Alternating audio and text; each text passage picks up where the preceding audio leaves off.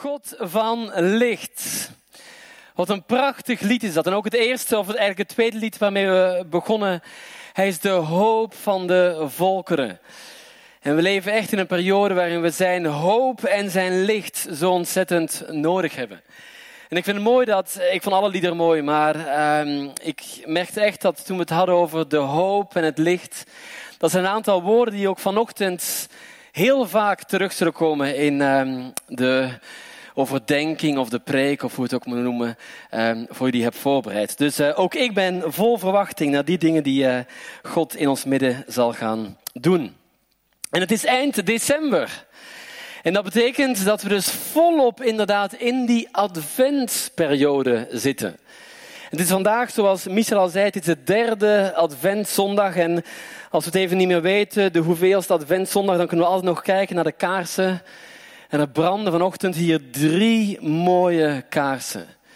Die dus heel duidelijk aan... Ja, daarom vond ik het net een beetje spannend toen ik hier uh, die doos uitpakte met deze kaarsen. Maar uh, we zitten dus in die derde adventszondag.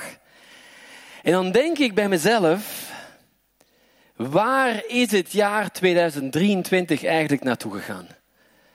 Hoezo kunnen we nu al zeggen dat het eind 2023 is? Eh, misschien ben ik de enige, maar ik denk, ik ben nog helemaal bezig met die goede voornemens die ik ooit in januari heb gemaakt. En plots zeggen we, het is eind december en we bereiden ons voor om uiteindelijk 2024 in te gaan. De tijd gaat zo snel. Of misschien zegt u wel, ja, hoe zit het dan eigenlijk met die verwachtingen? Of met die verlangens die ik eigenlijk had voor het jaar 2023? Als ik dan nu terugkijk naar de afgelopen twaalf maanden, wat is er eigenlijk gebeurd in die verwachtingen en die verlangens die ik had?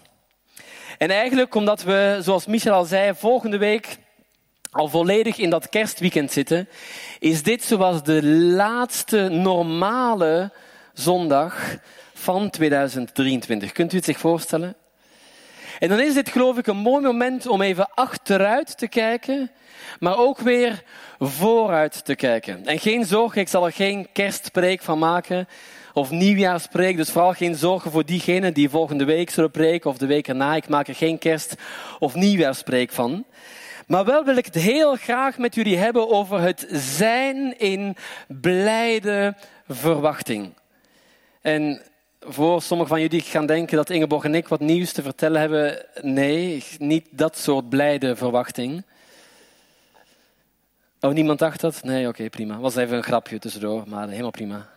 U, u, u, hoeft niet te lachen met de grapjes die ik maak, dat is helemaal goed. Ik ben zelf zeker genoeg, helemaal goed. En we gaan het hebben over het zijn in verwachting. Want dat is eigenlijk de kerngedachte van Advent. Want Advent, die periode waarin wij ons dus op dit moment in bevinden, heeft alles te maken met vooruitkijken, vol verwachting. Net zoals inderdaad een vrouw in verwachting kan zijn van een baby en dus vol verwachting uitkijkt naar de baby die ze uiteindelijk in haar handen zal nemen. En advent, dat komt van het Latijnse woord adventus. En adventus, dat betekent eigenlijk heel letterlijk komst. Dus dat betekent dat wij ons de weken voor kerst helemaal voorbereiden op het herdenken van de komst van Jezus naar deze aarde. Wij bereiden ons voor, en dat hebben we zojuist gezongen, wij bereiden ons voor op het herdenken van de komst van het licht naar deze aarde. En wij bereiden ons voor naar het herdenken van de komst van de hoop naar deze wereld. Advent is eigenlijk een periode waarin we ons voorbereiden op het vieren van de geboorte van de Messias. En in heel veel culturen, in heel veel samenlevingen, ook in heel veel gezinnen en families, hebben we manieren gevonden in hoe wij ons dan voorbereiden naar die periode van kerst. Ik bedoel, in onze tijd, in onze generatie, in onze samenleving, uh, decoreren we inderdaad heel veel. Ik vertrok vanochtend al uh, heel vroeg, het was, nog, het was nog donker buiten. En de hoeveelheid van dat verlichte kerstbomen wat je dan tegenkomt is, wauw, ja, ik vind het heel mooi. Weet je, we doen heel erg ons best om alles heel gezellig te maken, heel mooi te maken. We bezoeken kerstmarkten. We zetten hele bomen in ons huis. En ook hier vooraan inderdaad staan prachtige kerstdecoraties. En, en, en zoals Michel al zei, vol verwachting als ik met een grote doos eh, op het podium kom. Ook ik heb wat kerstversiering meegenomen. Ook ik heb mij voorbereid in deze adventsperiode. Ook ik ben mijn zoldertje weer opgeklommen om eens te kijken wat voor kerstspullen daar allemaal wel niet te vinden zijn. Ik kwam nog heel wat andere dingen tegen waarvan ik het bestaan niet eens meer vanaf wist. Maar deze doos vond ik. Vindt u het niet een mooie doos? Ik denk dat de doos ouder is dan ik zelf ben. En ik ben nog niet zo oud. Maar eh, deze doos heeft al heel veel meegemaakt. Noël staat erop. Oké, gaan we zo meteen uitpakken. Want dat is wat wij doen in een adventsperiode, toch? We maken het gezellig in onze huizen en buiten onze huizen. Maar ook bespreken we in de families wat we allemaal wel niet zullen gaan doen met kerst. Ik weet niet of u dat al heeft gedaan in de afgelopen weken. Ik heb deze week een hele avond append met mijn familie doorgebracht in België om te beslissen over wie het voorgerecht meeneemt en het hoofdgerecht en hoe we het dan doen met de cadeautjes en wie dan zorgt voor een lekker flesje wijn. Eh, eh, ik denk dat we echt een uur lang daarover hebben geappt. En waarschijnlijk hebben we allemaal in onze gezinnen, in onze families heel wat tradities. De gourmetstellen worden weer van onder het stof gehaald. En, en, en, en, en heel wat andere dingen worden weer gedaan die we misschien maar één keer per jaar doen. En voor ons als gelovigen heeft deze kerstperiode natuurlijk nog een veel diepere laag. Want uiteraard zullen wij zeggen dat het niet gaat om de versieringen en het gourmet en het samen zijn. Maar uiteraard zullen we zeggen dat we mogen herdenken dat de hoop is gekomen in een wereld waar zoveel hoop nodig is. Dat het licht is gekomen in een wereld waar zoveel duisternis is. En u bent u natuurlijk wel benieuwd wat hier allemaal in zit. Uh, laten we maar even een kijkje gaan nemen dan. Is het veilig zo bij de kaarsen?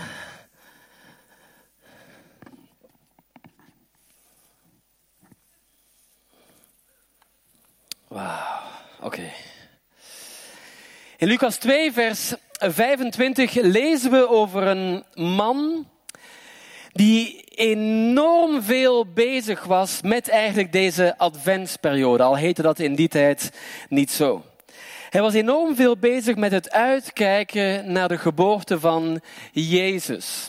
Of laat ik zeggen, hij keek uit naar de geboorte van de Messias. Want Jezus was uiteraard nog niet zijn naam toen. Hij keek enorm uit naar de gezalfde. Want dat is wat Messias letterlijk betekent. En de naam van die persoon waarover zo zullen gaan lezen is Simeon. En daar staat dit over geschreven in Lucas 2, vers 25. Daar staat, er woonde toen in Jeruzalem een zekere Simeon. Hij was een rechtvaardig en een vroom man die uitzag naar de tijd dat God Israël vertroosting zou schenken en de Heilige Geest rustte op hem. Oké, in dit vers lezen we al heel wat bijzondere en opmerkelijke dingen. Ten eerste staat er dus, er woonde toen.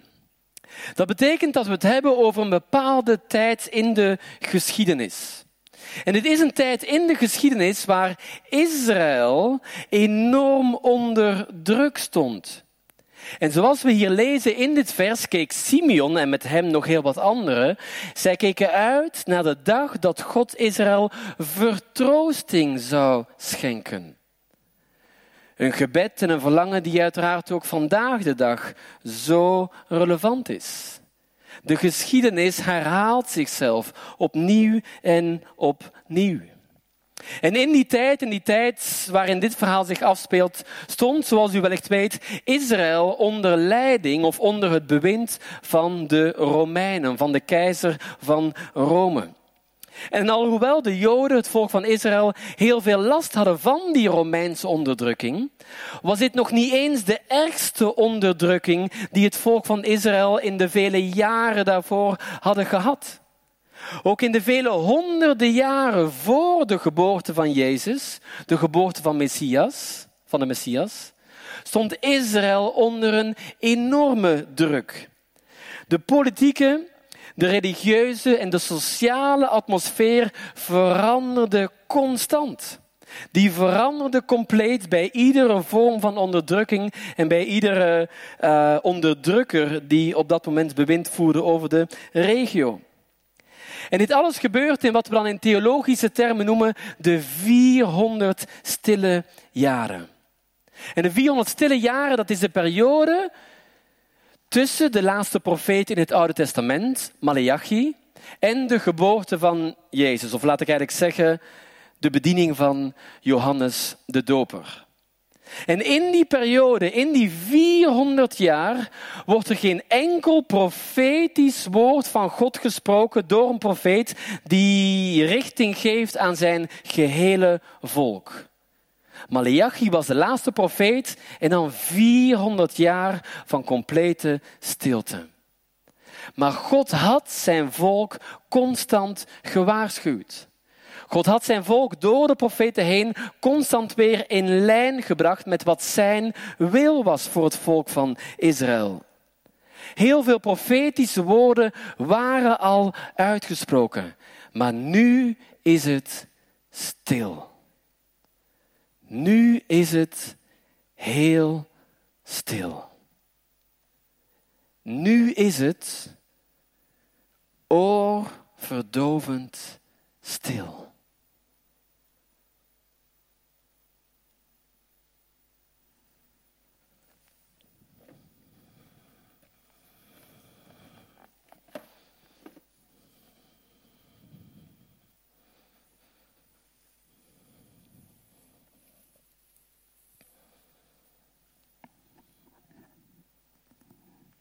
Maar het is in die stille jaren dat de hoop op het zien van de Messias toeneemt.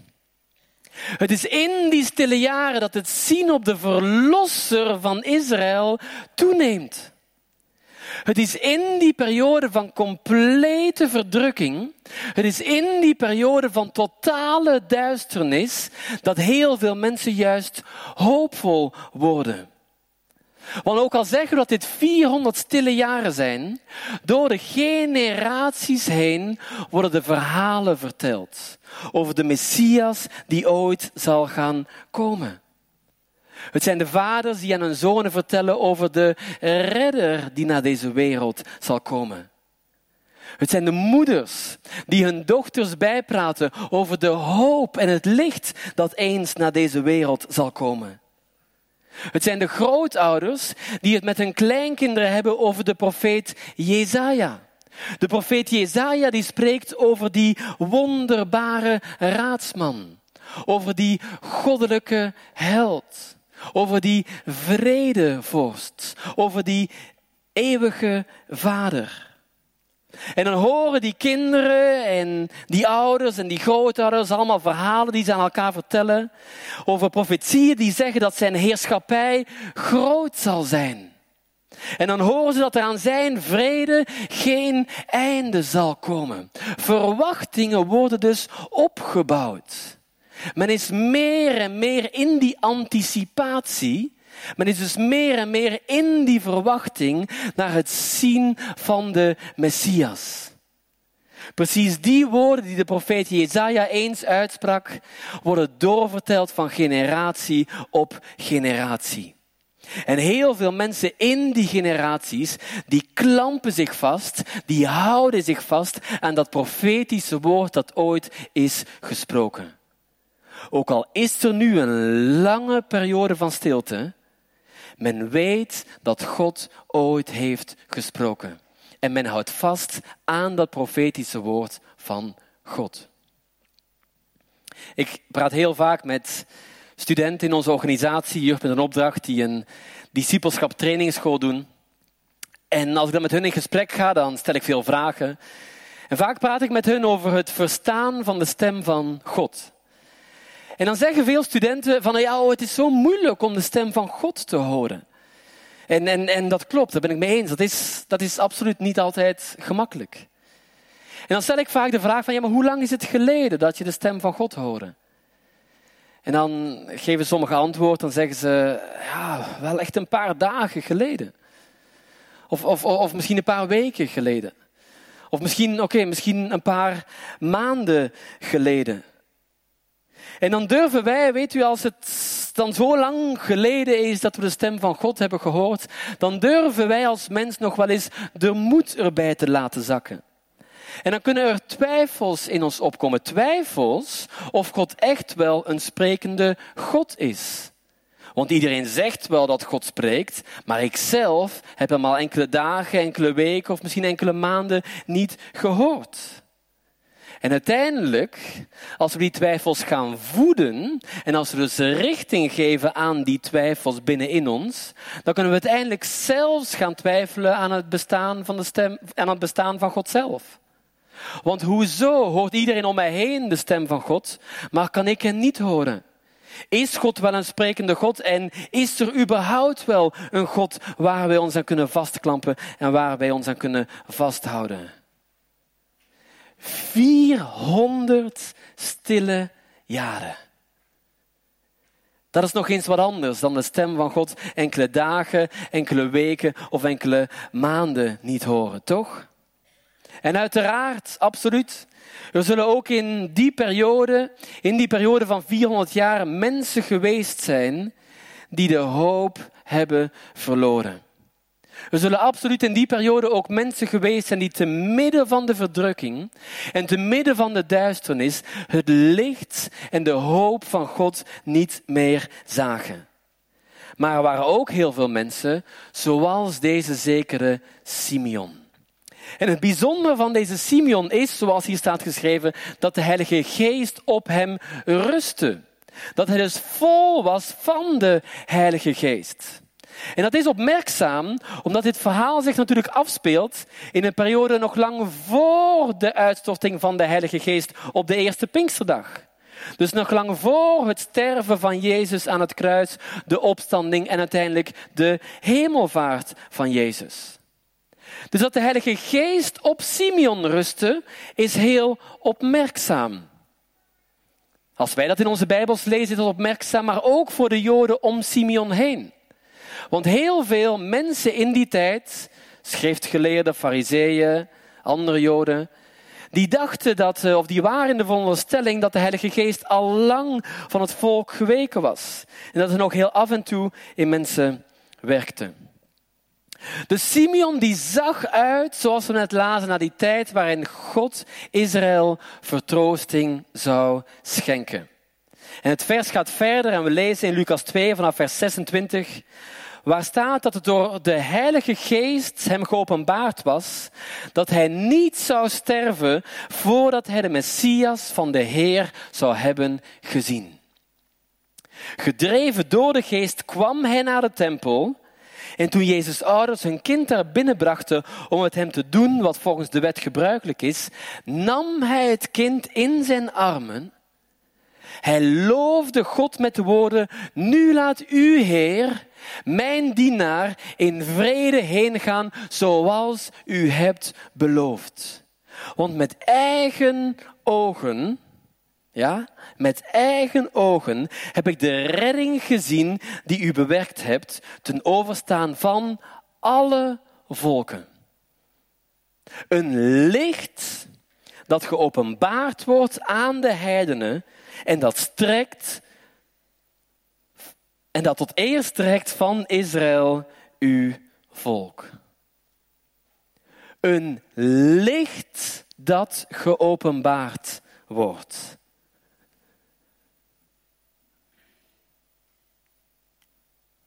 Ja, er was licht.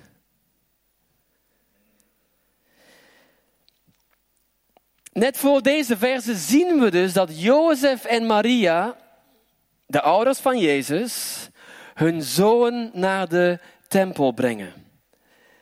Ze brachten daar een offer. Allemaal volledig in lijn met hoe dat er in die tijd aan toe ging. Met hoe dat er in de Joodse cultuur en volgens de Joodse gebruiken aan toe ging. Zij wisten volledig wat van hen verwacht werd. Niets nieuws.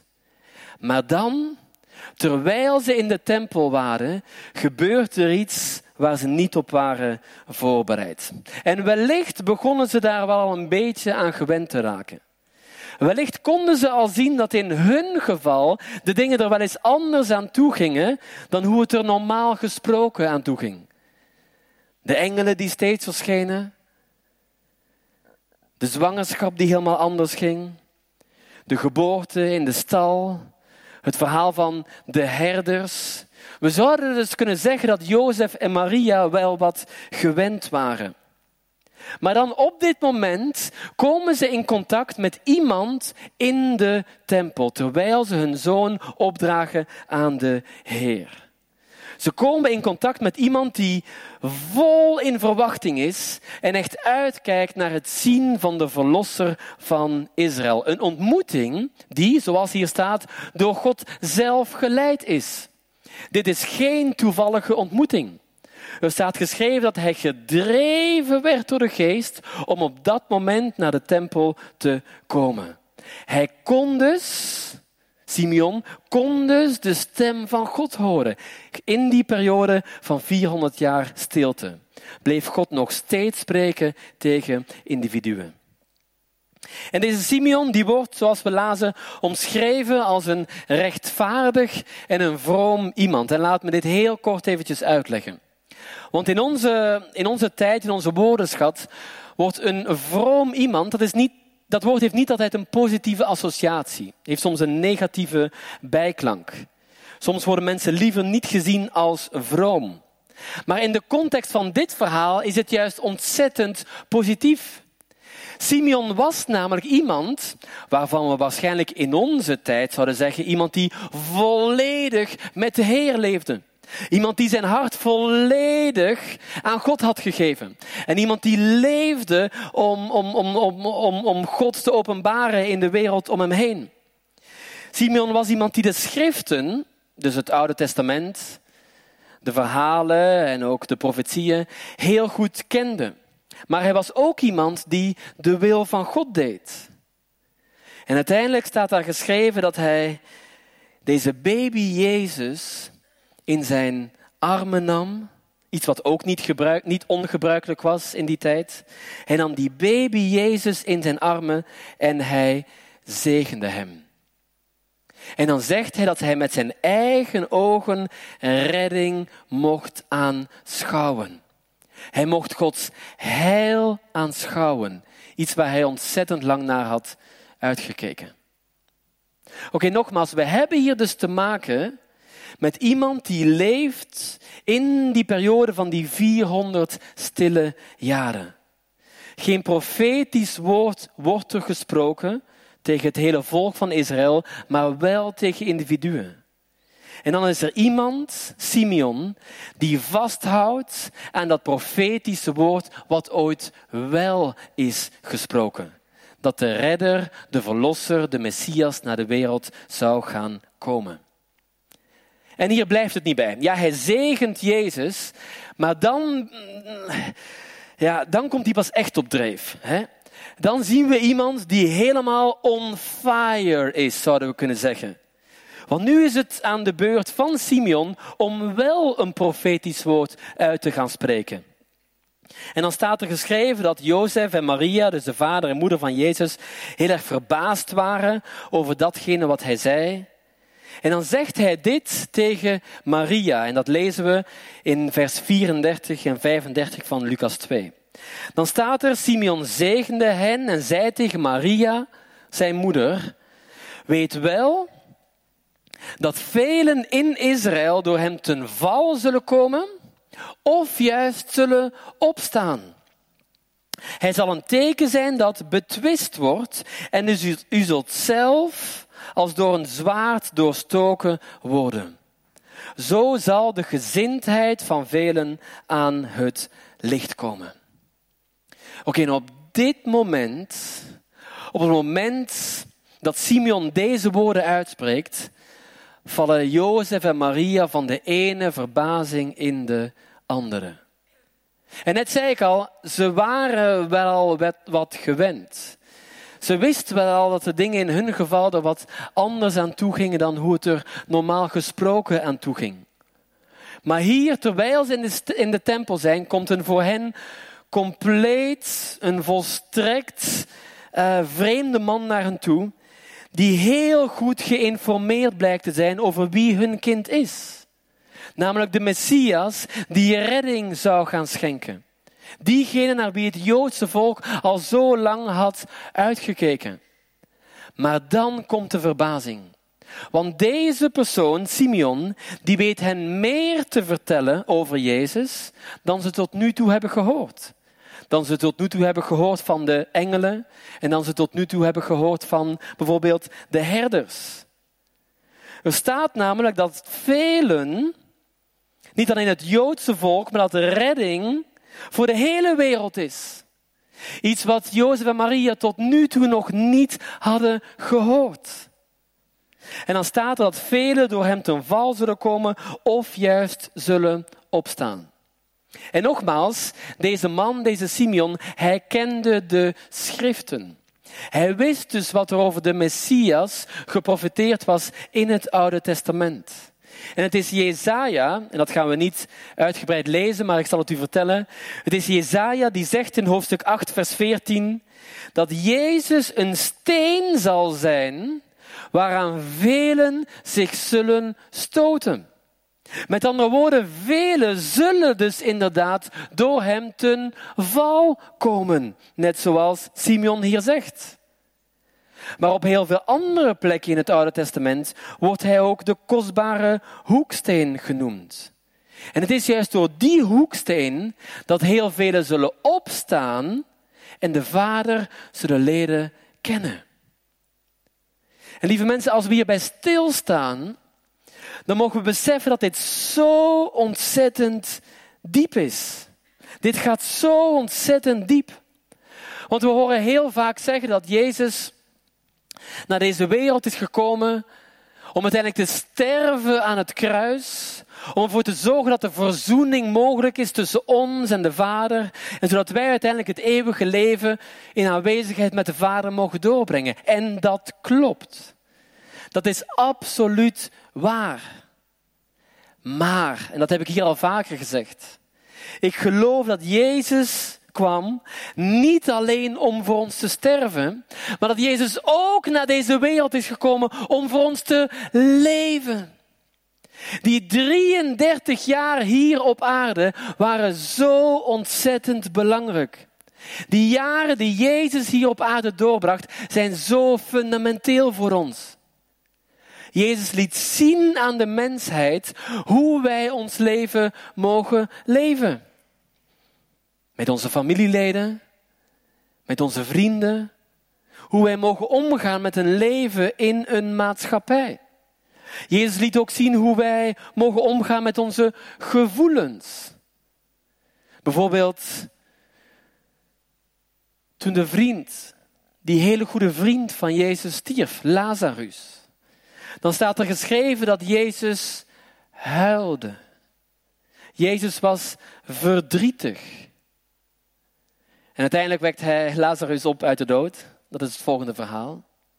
Maar Jezus laat zien hoe wij met onze gevoelens mogen omgaan.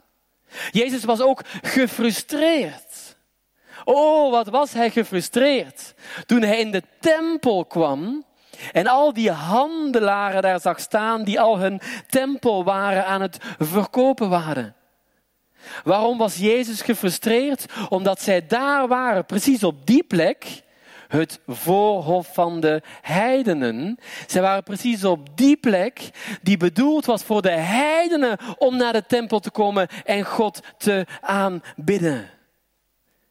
Ja, hij is de hoeksteen, maar ook de steen waaraan velen zich zullen stoten. Afgelopen week was ik een hele week in Amsterdam, waar ik vergaderingen had bij uh, onze organisatie Jeugd met een opdracht in Amsterdam.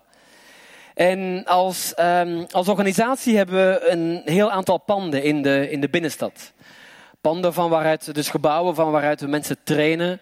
Maar ook van waaruit we uitreiken um, naar heel wat mensen in de stad Amsterdam. Zo hebben we een gebedshuis echt in het midden van de Rosse buurt. We hebben nog een pand in het midden van de Rosse buurt waar we, van waaruit we uitreiken naar daklozen en naar uh, de vrouwen achter de ramen in de Rosse buurt.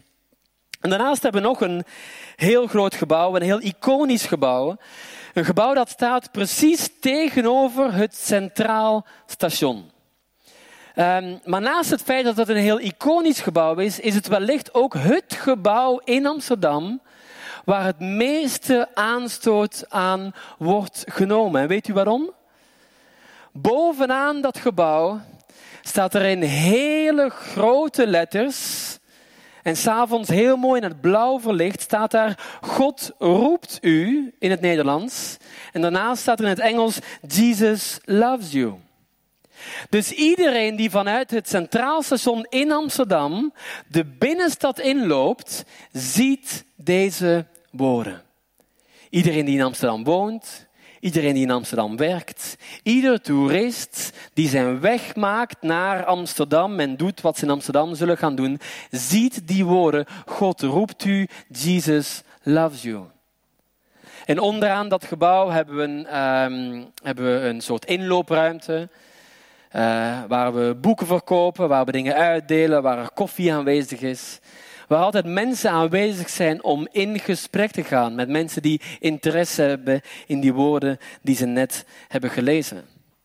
Maar oh, wat zijn er al veel pogingen gedaan door andere organisaties, door stadsbesturen, door verenigingen in Amsterdam om die woorden van dat gebouw te halen. Maar het is tot nu toe nog nooit gelukt. En daarom, precies daarom geloof ik dat het zo belangrijk is om verwachtingsvol uit te blijven kijken naar Jezus. Want net zoals we hebben gelezen, er staat dat de gezindheid van velen aan het licht zal komen. Jezus kwam namelijk naar deze wereld als het licht van de wereld, maar ook om licht te brengen in een duistere wereld. En daarom vind ik zelf de adventperiode heel mooi. Omdat het een periode is waarin wij niet alleen verwachtingsvol mogen uitkijken naar de geboorte van Jezus, zoals Simeon dat deed. Nee, wij mogen uitkijken naar het herdenken van het licht dat in deze wereld is gekomen. Een licht dat nooit meer uitgaat. Want wat doen wij straks weer in januari? Dan gaan wij weer alles opbergen. Dan gaan we weer naar ons zoldertje. Dan brengen wij alle kerstbomen weer naar. Ik weet niet waar we kerstbomen heen brengen. Uh, uit vuil of verbranden. Of deze soort kerstbomen zullen we op zolder plaatsen. Maar het licht van Jezus gaat nooit uit. In de maand januari zien we langzamerhand hè, dat iedereen zijn voortuinen weer opruimt. En hè, als je dan s'avonds door de straten rijdt of fietst of loopt, dan zie je dat er minder en minder verlichtbare kerstbomen en decoraties in voortuinen staan. Maar het licht van Jezus, lieve mensen, gaat nooit uit. Wij gaan niet met het licht van Jezus straks in januari naar onze zolder om dat weer in een doosje op te werken en er straks in januari, sorry, in december er weer vanaf te halen. Is dat niet mooi? Simeon moest uitkijken naar het licht wat in de wereld zou gaan komen. Maar wij, als wij de geboorte van Jezus herdenken, dan mogen wij weten dat het licht van Jezus hier is. Bent u er niet blij om? Het licht van Jezus is hier. Wauw, daar staat het. Het gebouw van Jeugd met een opdracht in Amsterdam. Het licht van Jezus is in deze wereld gekomen en zal nooit meer gedoofd worden. Wauw.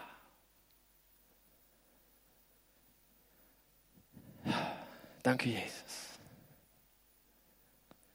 Dank u Jezus voor die geweldige belofte dat uw licht nooit gedoofd wordt. Hoeveel pogingen er ook gedaan worden om uw licht te doven, Jezus, uw licht wordt nooit gedoofd. Oh, wat bent u goed. Na deze vers over Simeon lezen we over nog iemand die in de tempel was. Een profetes, haar naam is Hanna. En daar staat dit over geschreven in Lucas 2 vanaf vers 36. Daar staat, er was daar ook een profetes, Hanna, de dochter van Fanuel uit de stam Asser.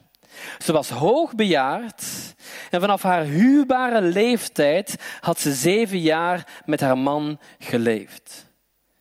Ze was nu al 84 jaar weduwe. Was altijd in de tempel, waar ze God dag en nacht diende met vasten en bidden. En op dat moment kwam ze naar hen toe. Ze bracht hulde aan God en sprak over het kind met allen die uitzagen naar de bevrijding van Jeruzalem. Nog iemand die verwachtingsvol was. Wat een toewijding zien we hier. Even heel kort voor de context. Zij diende God dus in de tempel. Voor Joodse meisjes in die tijd, er staat hier huwbare leeftijd. Voor Joodse meisjes in die tijd was het heel gebruikelijk om te trouwen op hun veertiende. Dus eigenlijk kunnen we ervan uitgaan dat zij vanaf haar 21ste al weduwe is. En dat is ze ondertussen al 84 jaar. Deze Hanna ziet wat er gebeurt in de tempel. Zij ziet het gesprek tussen Simeon en Jozef en Maria. En hoe Simeon Jezus in zijn armen heeft en de Heer looft en die profetische woorden uitspreekt. En dan staat er dat zij volledig instemt met die woorden van Simeon. En dan staat er dat ze, dat ze vanaf dan alleen nog maar praat met de mensen over Jezus. Want ze had Jezus met haar eigen ogen gezien. Ze had Jezus met haar eigen ogen gezien. Ja. Ze had Jezus met haar eigen ogen gezien. Diegene die verwacht werd. Diegene die hoop en die licht naar deze wereld zou gaan brengen, had zij op dit moment met haar eigen ogen gezien. En na het lezen van het verhaal van Simeon en Hanna komen we uiteraard ook bij onszelf uit. Want vooral van Simeon weten we dat hij enorm uitkeek naar het, zag, naar het zien van de Messias. Waarschijnlijk was zijn hele leven een soort van advent. Toch, we hebben net gehoord dat advent betekent komst. Zijn hele leven stond dus waarschijnlijk in het teken van het uitzien, uitzien, ja, uitzien naar de komst van Jezus, van de Messias, naar deze wereld. Simeon en Hanna waren ontzettend wakker. Simeon en Hanna waren heel wakker in hun geest. En uiteindelijk wordt hun verwachting ingelost. Lieve mensen, laat ik even een vraag stellen. Zijn onze ogen nog geopend? Dat is geen verwijtende vraag, dat is een vraag om onszelf even te onderzoeken en de dingen in het licht te brengen. Zijn onze ogen nog geopend in deze adventperiode? Zijn wij er nog op gericht om de komst van Jezus te zien? Hebben wij nog dat verlangen om God dagelijks bezig te zien in ons eigen leven en in onze leefomgeving? Hebben wij nog de kracht en het verlangen om Jezus werkelijk te zien? Of zijn we een beetje uitgekeken? Hebben we misschien de kracht en het verlangen verloren om God werkelijk nog te zien? Door stormen in ons leven? Door teleurstellingen? Door misschien inderdaad duisternis en donkerte die boven ons leven hangen? Zijn wij nog in staat om werkelijk te kijken naar het licht dat in de wereld is gekomen? Of hebben we het uitkijken naar het licht opgegeven? Lieve mensen, de Messias zelf,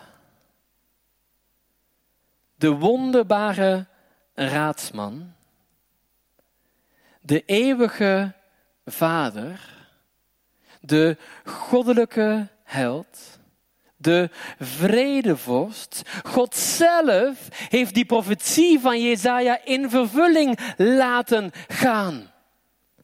Hij zelf, Immanuel, wat betekent met God met ons, heeft zijn woning in ons gemaakt.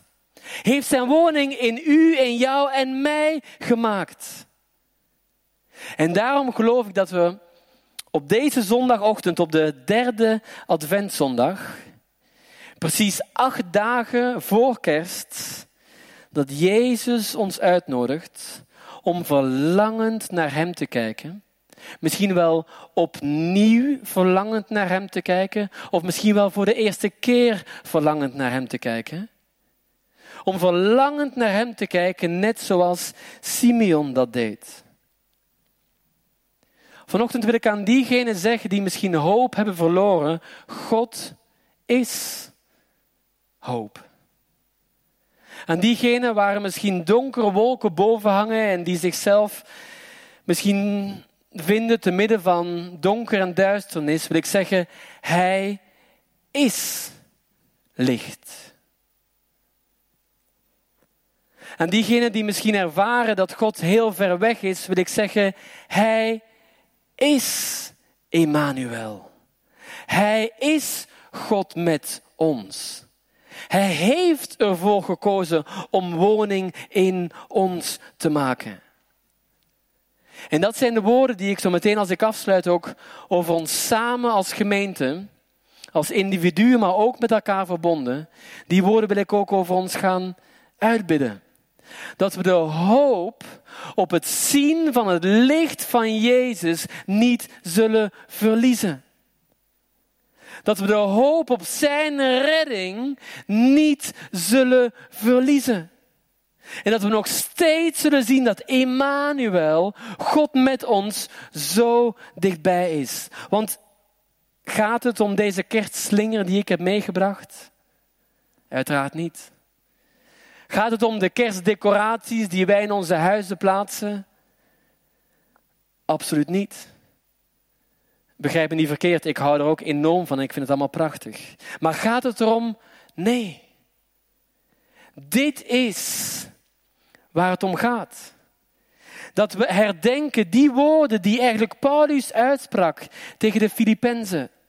Het gaat erom dat Hij die de gestalte, aan God, die de gestalte van God had, hij hield zijn gelijkheid aan God niet vast, maar hij deed er afstand van.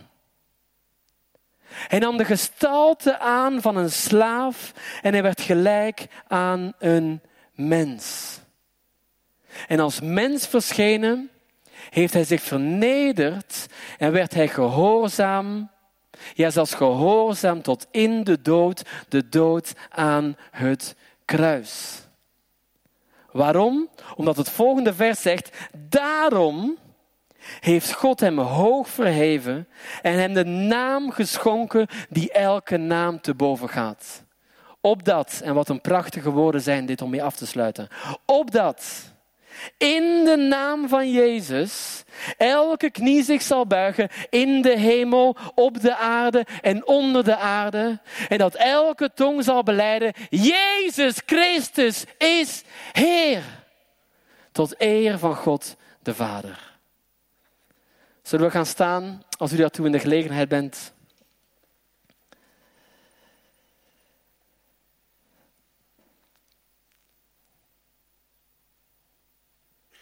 Want Heer, u bent inderdaad Emmanuel. U bent inderdaad God met ons. En wij mogen in deze adventperiode uitzien naar het herdenken van het licht en de hoop dat in deze wereld is gekomen. Maar Heer, we weten ook dat het inderdaad schudt en beeft, dat er stormen zijn, dat er duisternis is. Maar we danken u, Heer, dat we de hoop in u nooit op moeten geven. Want u altijd dezelfde bent, gisteren, vandaag en tot in eeuwigheid. Jezus, we danken u dat uw licht nooit uitgaat. Jezus, we danken u dat u de overwinning heeft behaald. En dat wij mogen staan op die overwinning die al is behaald. En daarom bid ik, Heer, voor ons als gemeente. Zoals we hier staan, ook voor degenen die online meekijken of degenen die hier niet bij kunnen zijn. Heer, we bidden dat we individueel, maar ook samen met elkaar verbonden, dat we steeds in staat zullen zijn om onze ogen te openen en naar U te kijken. Heer, ik bid dat U ons net als Hanna en Simeon, dat U ons wakker maakt in onze geest. En dat u met uw heilige geest uw vuur, uw licht en uw hoop laat waaien in de naam van Jezus. Heer, ik bid dat in deze periode, die we inderdaad vaak de donkere periode van het jaar noemen, Heer, dat we in deze periode mensen naar het licht zullen zien komen. En Heer, op dit moment spreek ik uw licht uit over ons allemaal hier aanwezig, in Jezus' naam. Heer, ik spreek uw licht uit over onze stad, over onze dorpen. Ik spreek uw licht uit over onze provincie. Ik spreek uw licht uit over ons land. Heer, we spreken uw licht uit over dat evenement wat vanavond zal gaan plaatsvinden in Uithuizen. Heer, we bidden, Heer, dat velen vanavond het licht zullen gaan zien, het licht dat nooit uitgaat. Heer, we danken u, Heer, dat u een God bent van licht en dat u als licht in deze wereld bent gekomen. Jezus, we aanbidden u. Want u bent inderdaad de vredevorst. U bent inderdaad de goddelijke held. U bent inderdaad diegene die naar deze wereld is gekomen om redding te brengen. De Messias, de gezalfde. En Heer, ik bid dat we zo met dat verlangen om U te zien deze derde of vier deze dan Adventsweek in zullen gaan. En dat we de hoop op het licht en de hoop nooit zullen verliezen. In Jezus' naam. Amen.